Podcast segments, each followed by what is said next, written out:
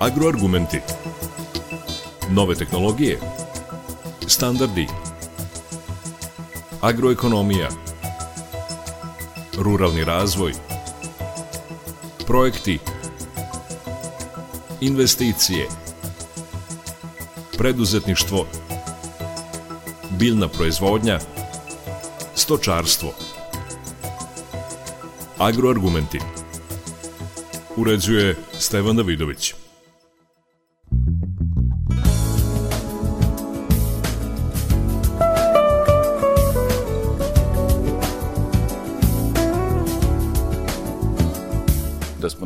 Kojoj televiziji u Srbiji ne bih morao da te predstavljam, bar ne da. posebno. Kada je radio u pitanju,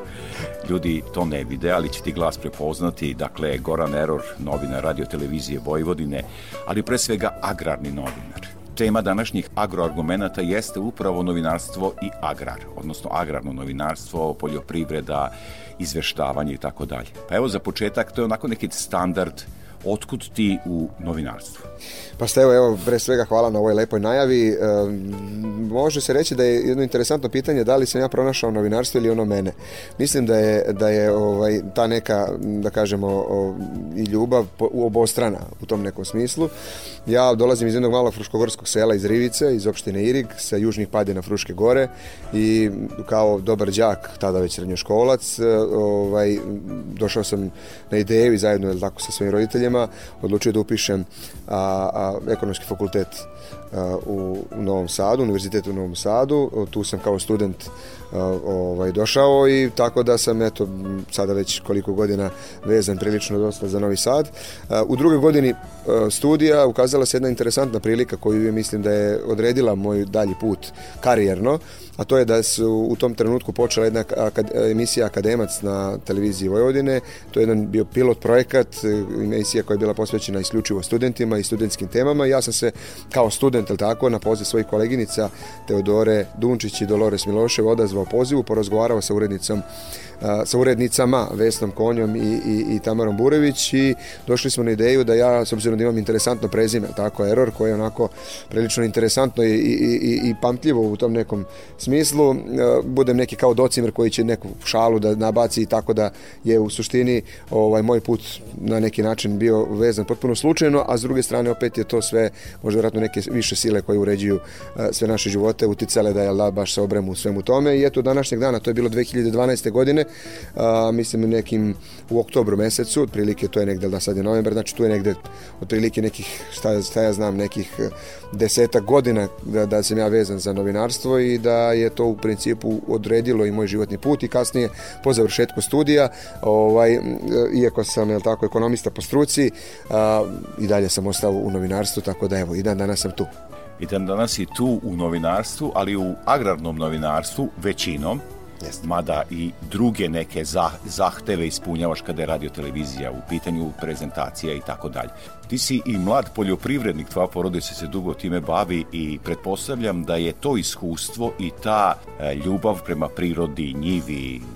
proizvodima doprinela tome da se upravo u agrar uputiš? Pa i ja mislim da je upravo tako. Zato što, a, a, pored toga što dolazim sa sela i pored toga što sam ceo svoj život od rođenja u poljoprivredi, s obzirom da su mi roditelji i otac i majka poljoprivrednici, da smo od uvek imali i svinje, i goveda, i jedno vreme čak i krave, e, da smo proizvodili paradajz Bosna kao što radimo i dan danas, al tako? Da sam maltene cijelo svoje detinjstvo poveo, proveo po kvantaškim pijacama. Da, a, to je u suštini neka moja ljubav i to je nešto što ja, ja imam neki poseban odnos prema samoj poljoprivredi. Kada svi kude ja uvek pokušavam da nađem neko,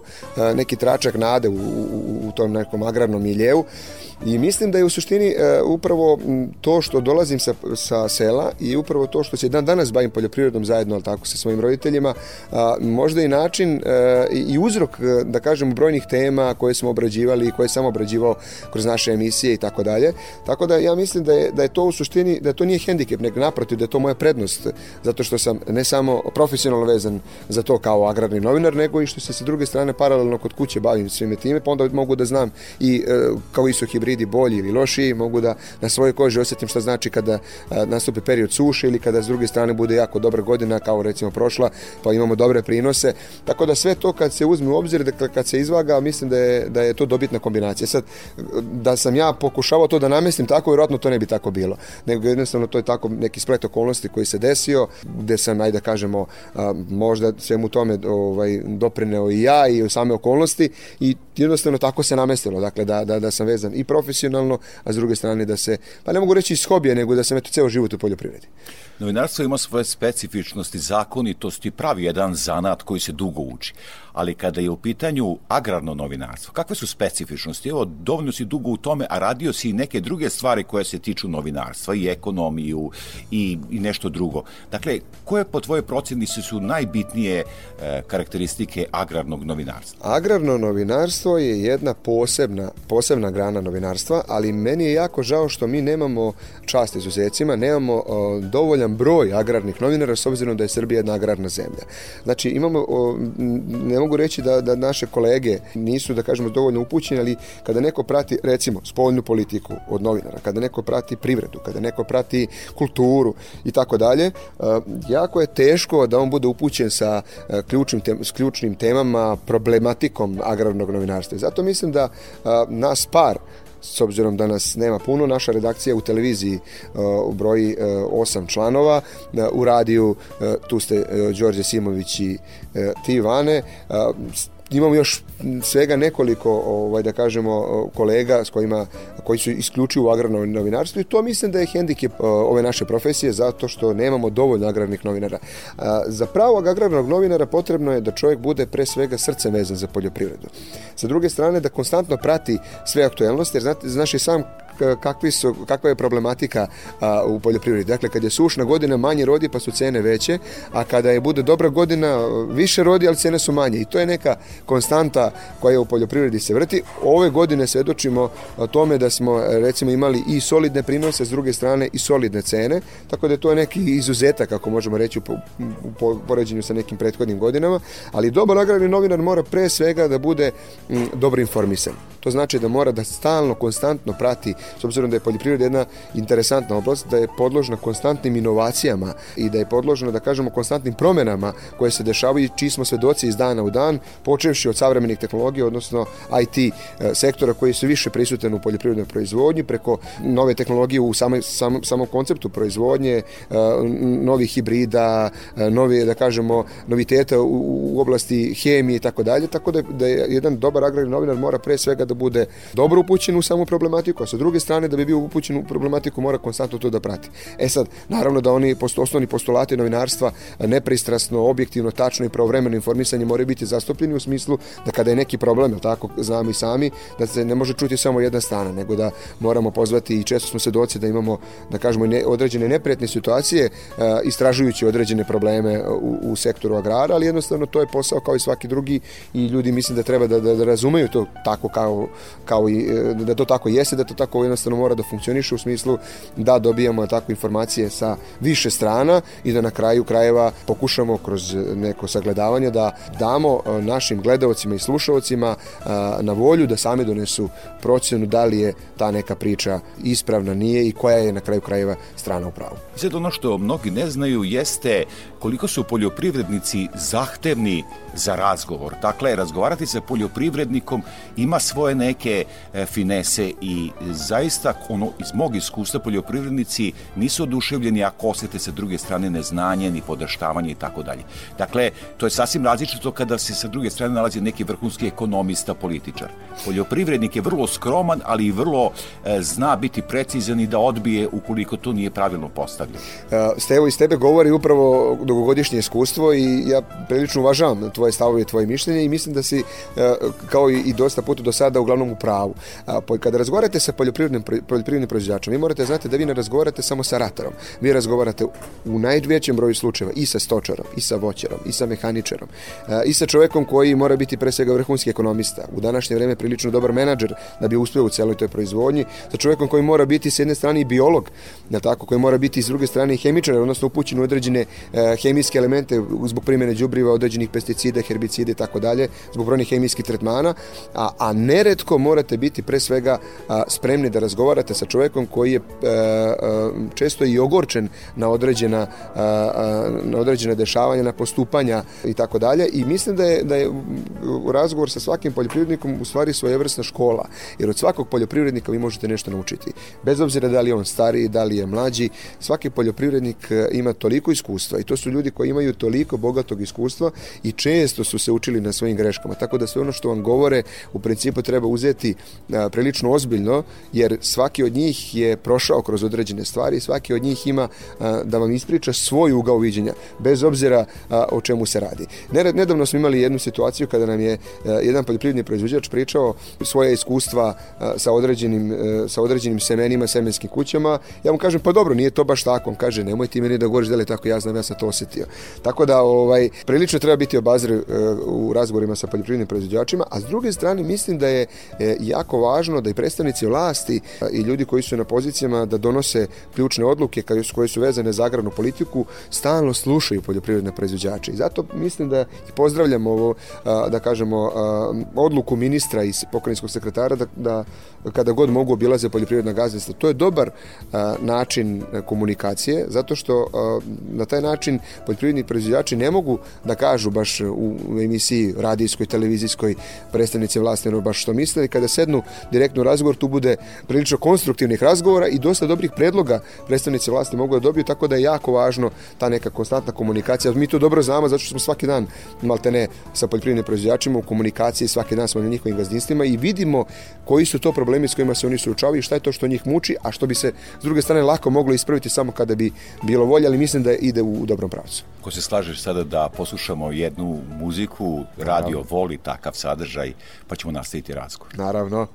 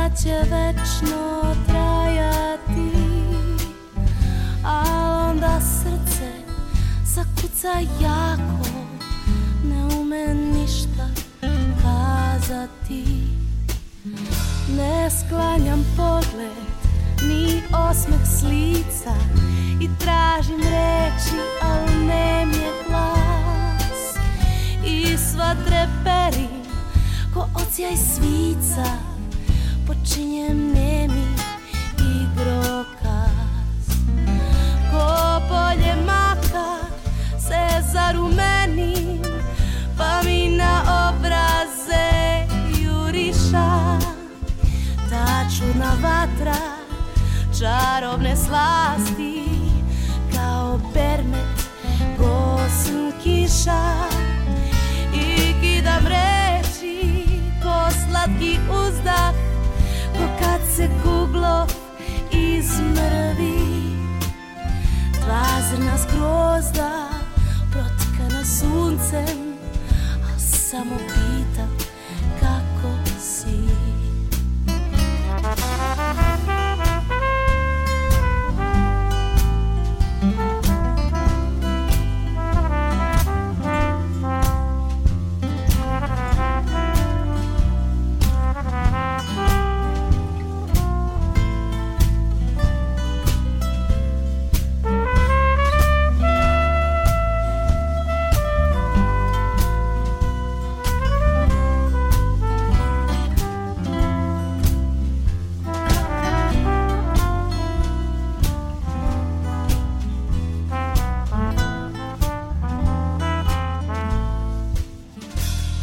uvek prepoznam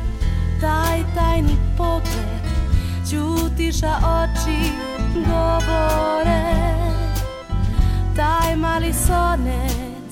tišinom donet Pa ga u osmeh sakriješ. Ko polje maka se zarumenim Pa mi na obraze juriša čudna vatra čarobne slasti kao permet Gosen kiša. I kidam reči Ko slatki uzdah Ko kad se kuglo izmrvi. Dva zrna zgrozda Protkana suncem A samo Dva zrna zgrozda Protkana suncem A samo pitam kako si Dva zrna zgrozda Protkana suncem A samo pitam kako si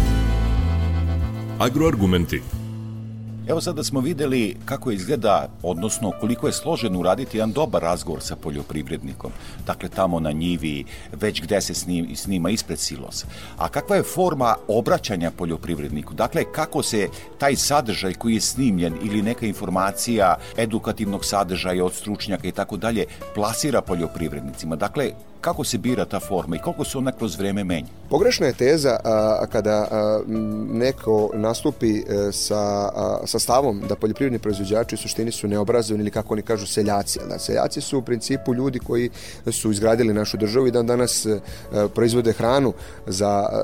ne samo za državu nego i za, za, za mnogo veći broj ljudi, mada mi toga nismo često svesni kao poljoprivredni proizvođači i zato mislim da je upravo a, a, u današnje vreme razgovarati sa poljoprivrednikom, pogotovo sa mlađim generacijom poljoprivrednika tipa moje, moje godište i slično, jer su to uglavnom mladi ljudi, dobro informisani, a sa druge strane često i, i e, visoko obrazovani. I mislim da se menja a, da, sama a,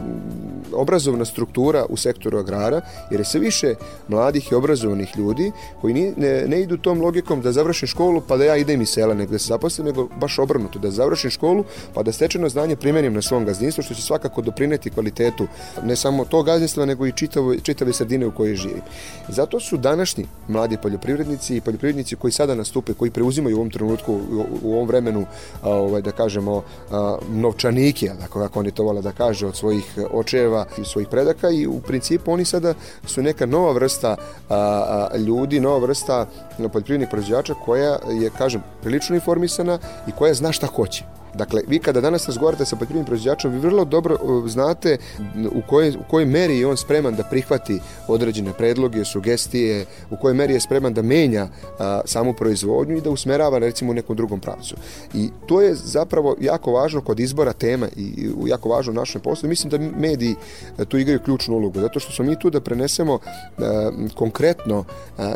prosto rečeno, šta se dešava u određenim oblastima i šta je to što bi trebalo da se primeni Mi smo nedavno radili interesantne priloge o, o novim e, konceptima e, u proizvodnji premiks za, za stočnu hranu. Tako i tu smo pokušali da, da, da kroz razgovore sa e, ključnim bi, e, biolozima, sa, sa, sa ljudima koji su dugo godina sa tehnolozima u toj samoj proizvodnji, da pronađemo odgovarajuće adekvatne sagovornike koji će e, reći šta je to što je treba menjati s obzirom da se tržište menja, s obzirom da su zahtevi tržišta drugačiji, a sa druge strane e,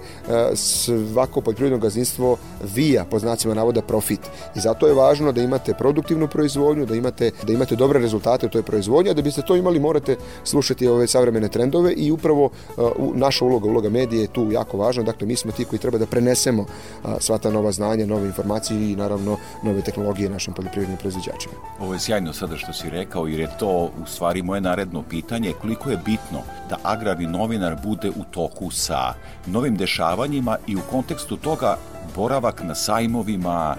putovanje u inostranstvo, znam da si nedavno bio u Hrvatskoj iskustva kada, se, kada je reč o korišćenju IPARDA. Dakle, koliko je bitno da, tako kažem, putuje, bude svugde gde je nešto novo? Zajedno smo Stevo bili e, sa grupom novinara iz Srbije e, na putu u Hrvatskoj i mislim da je ta ekskurzija, pored toga, mi kažemo ekskurzija, tako, ta stručna e, medijska poseta, kako je da, zvaničan naziv, jako važna ne samo za nas kao, kao agrarne novinare da vidimo i da čujemo iskustva oni koji su daleko ranije iskoristili sredstva iz IPARDA i tih pre, iz ostalih pre predpristupnih fondova Europske unije, nego i sa druge strane da vidimo gde, je to, gde su to oni grešili, pa da kroz naše emisije taj, ta njihovo iskustvo prenesemo našim poljoprivrednim proizvođačima. Bili smo svedoci da, je, da su, da kažemo, imali smo, ja, ja lično sam imao neke predrasude da kada odemo ćemo i sada tamo zateći poljoprivredne proizvođače koji su iskoristili do maksimuma sva sredstva, da su to besprekorno odradili, ali smo se uverili da to nije baš tako. Uverili smo se da su imali prilično, pa možemo reći slične, ako ne gotovo iste probleme kao i naši poljoprivredni proizvođači u samom tom početku privlačenja sredstava iz predpristupnih fondova i jedno što ono što je jako važno jeste da, da smo tamo kao ključnu stvar uspeli da, da, da saznamo jeste da nema muljanja, znači nema fingiranja podataka, nema, jer je to sve vrlo lako proverljivo i na kraju krajeva svako muljanje vama ide na štetu jer vi skačete sebi u stomak, odnosno radite protiv samoga sebe. I zato je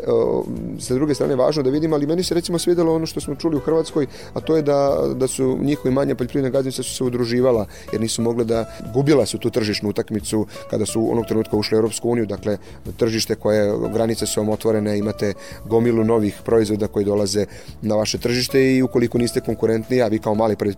proizvođač niste u tom trenutku spremni da nastupite tako na tržišnoj utakmici, važno je da se udružite. Dakle, udruživanje, striktno poštovanje svih propisa, odnosno rad bez muljanja u smislu predavanja dokumentacije, aplikacije na same konkurse i ono što sa druge što je meni recimo interesantno bilo jeste da su, su oni svedočili tome da je potrebno imati što više dobrih kvalitetnih konsultanata. I zato su važne upravo te edukacije i zato su važna ta medijska i druga putovanja, stručna putovanja, tako da smo i mi kao agrarni novinari saznali neke ključne informacije boraveći tamo, jer smo imali priliku da čujemo njihovo iskustvo i videli smo da su oni u suštini pravili greške koje smo mi e, pravili u samom tom u samim početcima i videli smo da su oni iskoristili dakle ni, ni čak ni polovinu od ukupnog e, budžeta sredstava koji je opredeljen za tu namenu, ali su se naravno sa drugim, oni su imali SAPARD, pa nakon toga IPARD, oni su IPARD mnogo bolje iskoristili, mi smo počeli kao predpristupni fond IPARD, nadam se da ćemo i mi u tom smislu napredovati, a za druge strane nam su nam potrebni edukovani ljudi. Zato je jako teško poljoprivrednom proizvođaču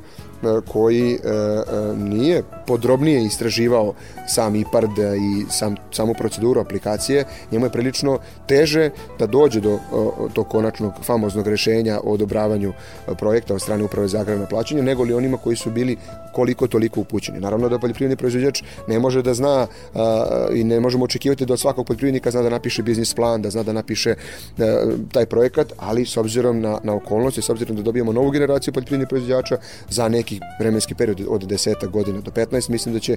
prilično veliki procenat poljoprivrednih proizvođača biti spreman da tako nešto uro. To je nama u ovom trenutku sada možda nezamislivo i mi sada na to gledamo kao na neko špansko selo, ali sam uveren da će, jer znam nekoliko poljoprivrednih proizvođača koji gotovo sami su pisali projekte, to nije nimalo lako, nimalo jednostavno pisati biznis planove, ali s druge strane,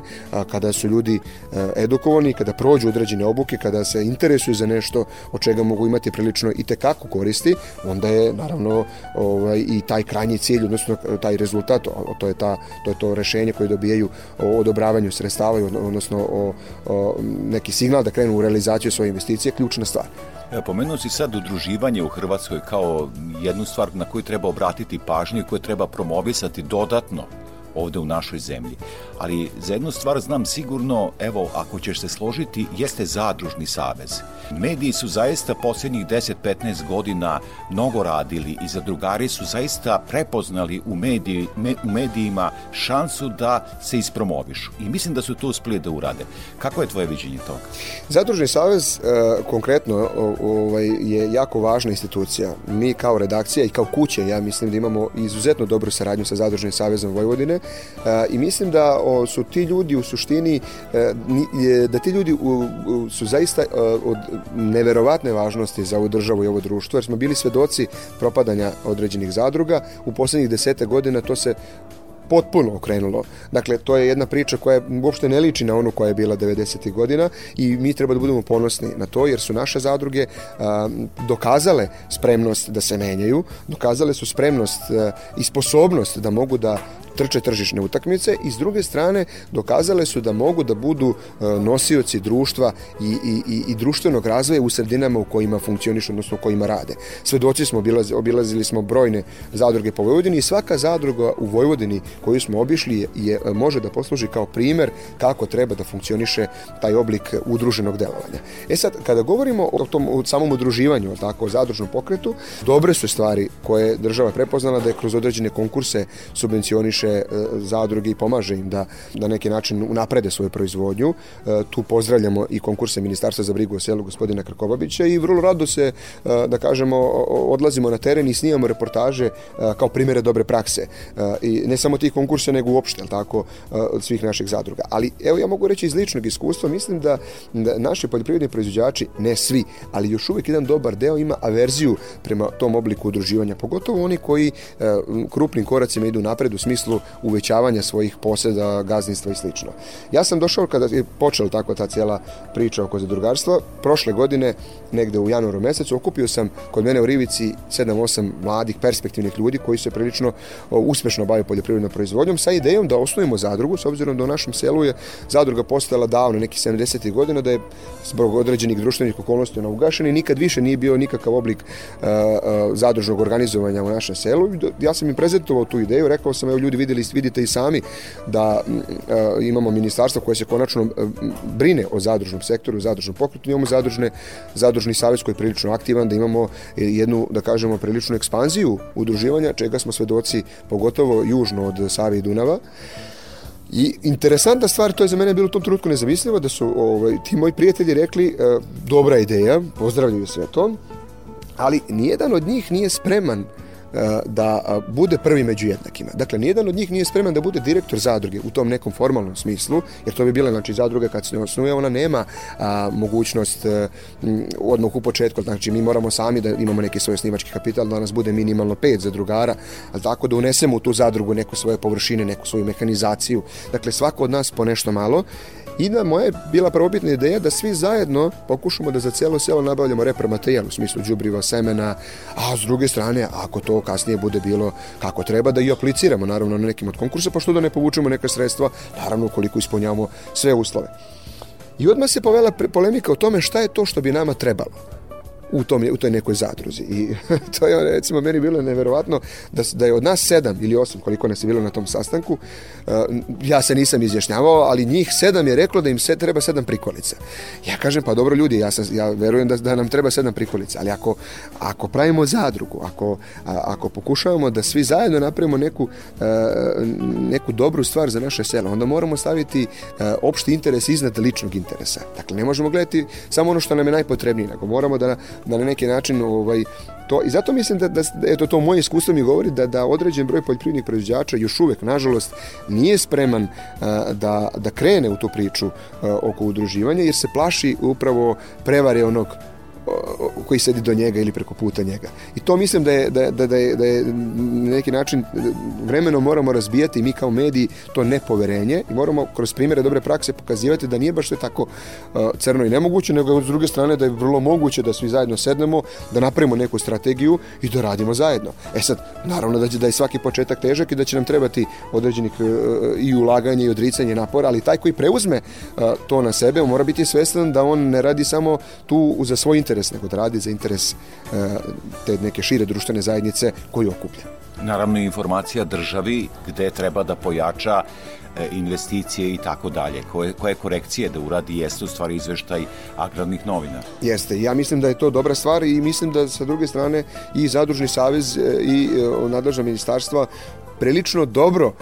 slušaju ono što mi prenosimo i, i, i mislim da s druge strane, ali naravno da je to, to je, pazite, to je oblast koja je bila decenijima zapostavljena. To se ne može promeniti za 5, 7 godina. Zadružni savez Vojvodine je to, to fantastično radi, ali moramo biti svesni da svi zajedno to, da to mora biti posao koji će trajati narednih deceniju, pa možda i dve, kada do trenutka dok ne dođemo da, u poziciju da kažemo, e mi sada imamo toliko i toliko procenata poljoprivrednih gazdinstva koji su uh, uključeni u neke oblike udruženosti, kooperacije, zadruga i slično. Dakle, to je nešto što, što će trajati, a mi moramo istrajati na tom putu da konstantno promovišemo primere dobre prakse, da pokazujemo da to uh, što se ljudi udružuju je pre svega dobra stvar, dobra za njih i da ima s druge strane prilično dosta ekonomske koriste. I evo pred kraj ovog našeg razgovora, korona je u toku zaista jedna turobna situacija, ne samo kod nas u svetskim razmerama pandemija. I mislim da je više nego ikada došlo do izražaja značaj hrane kao vrlo strateške stvari i kompletan agrar, dakle ta dovoljnost u hrani, vidimo izuzetan skok ratarskih proizvoda, vrlo tešku situaciju u stočarstvu, e, da li će zajedno sa e, većim interesovanjem sveta za hranu bar evo i kod nas u lokalu, i agrarno novinarstvo dobiti na značaju u celom tom svetlu? Hoće, sasvim sigurno. Svedoci smo da i sve veći broj ljudi e, brine o tome šta jede. To, da kažemo, je s jedne strane e, i posledica toga da je e, se veći e, broj ljudi e, prilično vodi računa o tome da mu ishrana bude kvalitetna i zdrava. I sami polazim, polazeći od sebe, prilično vodimo računa u poslednje vreme šta jedemo, gde kupujemo, šta pazarimo i zato mislim da je naša uloga kao medija, kao agrarnih novinara od izuzetne važnosti da prenese ljudima informaciju koji to poljoprivredni proizvođači se bave, evo konkretno organskom proizvodnjom, koje organske proizvode mi možemo, koje smo mi, jel tako, bili snimali, videli, uverili se u sam postupak proizvodnje i mi možemo, pa ne mogu reći garantovati, ali mi možemo sa sigurnošću reći, evo mi preporučujemo upravo određenog poljoprivrednog proizvođača ili određeno um, selo koje, gde se određeni broj ili neki uh, procenat bavi uh, proizvodnjom hrane koja je s druge strane kvalitetna, uh,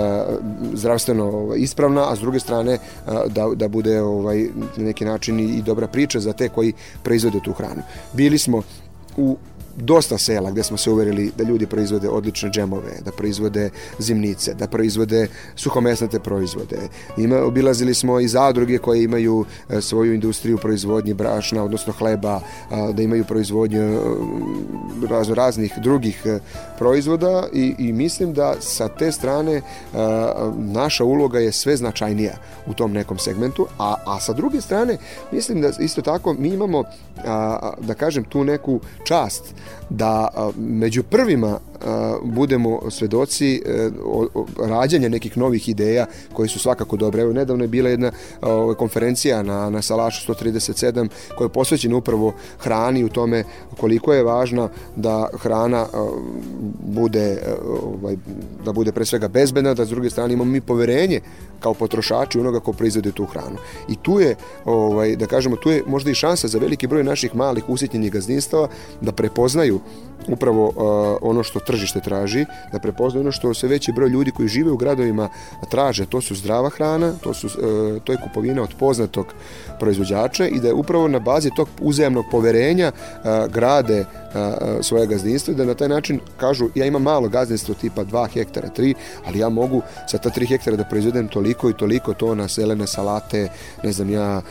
paradajza i tako dalje i da to mogu da plasiram direktno, znači ne posrednicima, ne nekim marketima, nego direktno da plasiram ljudima koji to ovaj, žele da kupe, jer koji s druge strane imaju poverenje u mene, pa ako imam višak to mogu da preradim, pa da prodam na taj drugi način, da stvorim neku dodatu vrednost i da na taj način još više zaradim. I to je ono što mi treba kao mediji dalje da promovišemo. Mislim da dobro radimo, mislim da pre svega vaša emisija Agro Argumenti prilično dosta prostora daje upravo tim malim poljoprivrednim proizvođačima koji su, koje treba negovati, koje treba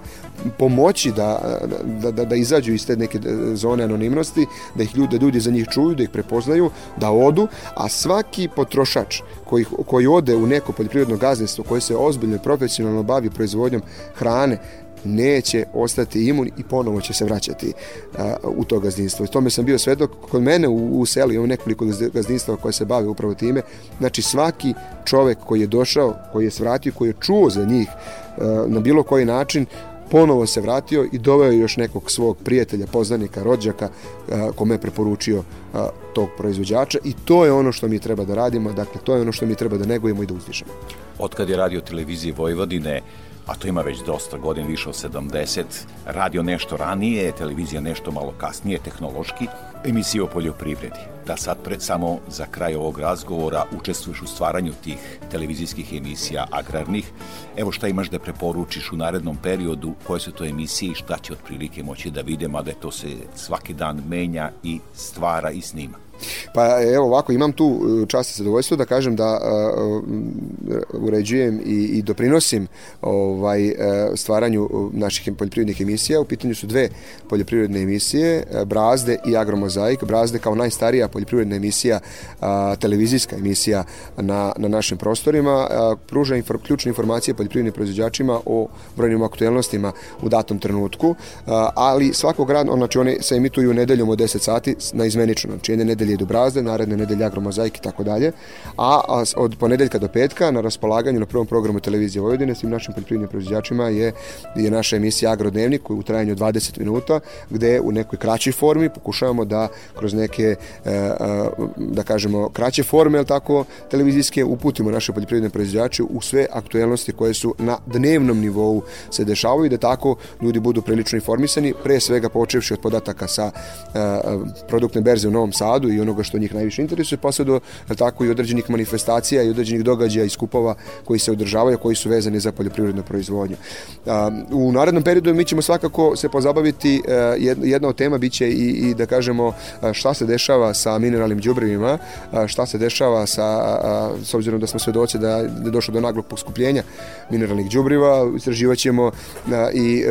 kakve, kakva semena možemo preporučivati našim poljoprivrednim proizvođačima, šta je to što se kroz oglede i kroz eh, brojne ispitivanja pokazalo uspešnim u prethodnom periodu, a isto tako pratit ćemo i, i pokušat ćemo da saznamo koje, koje su to nove konkursne linije koje će biti na raspolaganju poljoprivrednim proizvođačima, kako od strane sekretarijata, tako i od strane ministarstva. Ima tu još, još dosta aktuelnosti, kažemo, na dnevnom nivou stalno se nešto menja, cene variraju gore-dole, imamo trenutno neke određene probleme u stočarstvu, a, pogotovo u sunjarstvu, uzevši obzir visoke cene merkantile, kukuruza, soje i tako dalje, kao ključnih inputa a, u, u toj stočarskoj proizvodnji. Sa druge strane, cene e, nisu baš toliko e, zadovoljavajuće da bi poljoprivredne proizvođače, govorimo o tovljenicima, tako zadovoljile. Kod goveda je nešto bolja situacija. Evo ja baš danas sam ovaj, pozvao klaničara s kojim sarađujem da mu ponudim a, bikove na utovar i tu je neka cena koja mislim da može da u ovom trenutku zadovolji naše potrebe s obzirom da smo telat koji smo kupili platili nešto jeftinije jer je tada tako, tako bilo, ali je to prilično dug proces da je od nekih 10 do 12 meseci tova i tu tih 12 meseci može da se desi svašta od toga da možete da zaradite jako lepo do toga da a, možete prilično da izgubite, ali to je da kao i sve ostalo lutrija, a mi smo tu da radimo, da volimo to što radimo i s druge strane da svim našim slušalcima i gledalcima prenosimo, ja se nadam, a, uspešno sve ono što je od važnosti za njihovu proizvodnju. Novinar, ali pre svega agrarni novinar radio televizije Vojvodine, Goran Eror, veliko ti hvala za ovaj razgovor i učešće u emisiji Agroargumenti. Stevo, puno hvala tebi i veliki pozdrav svim tvojim slušalcima.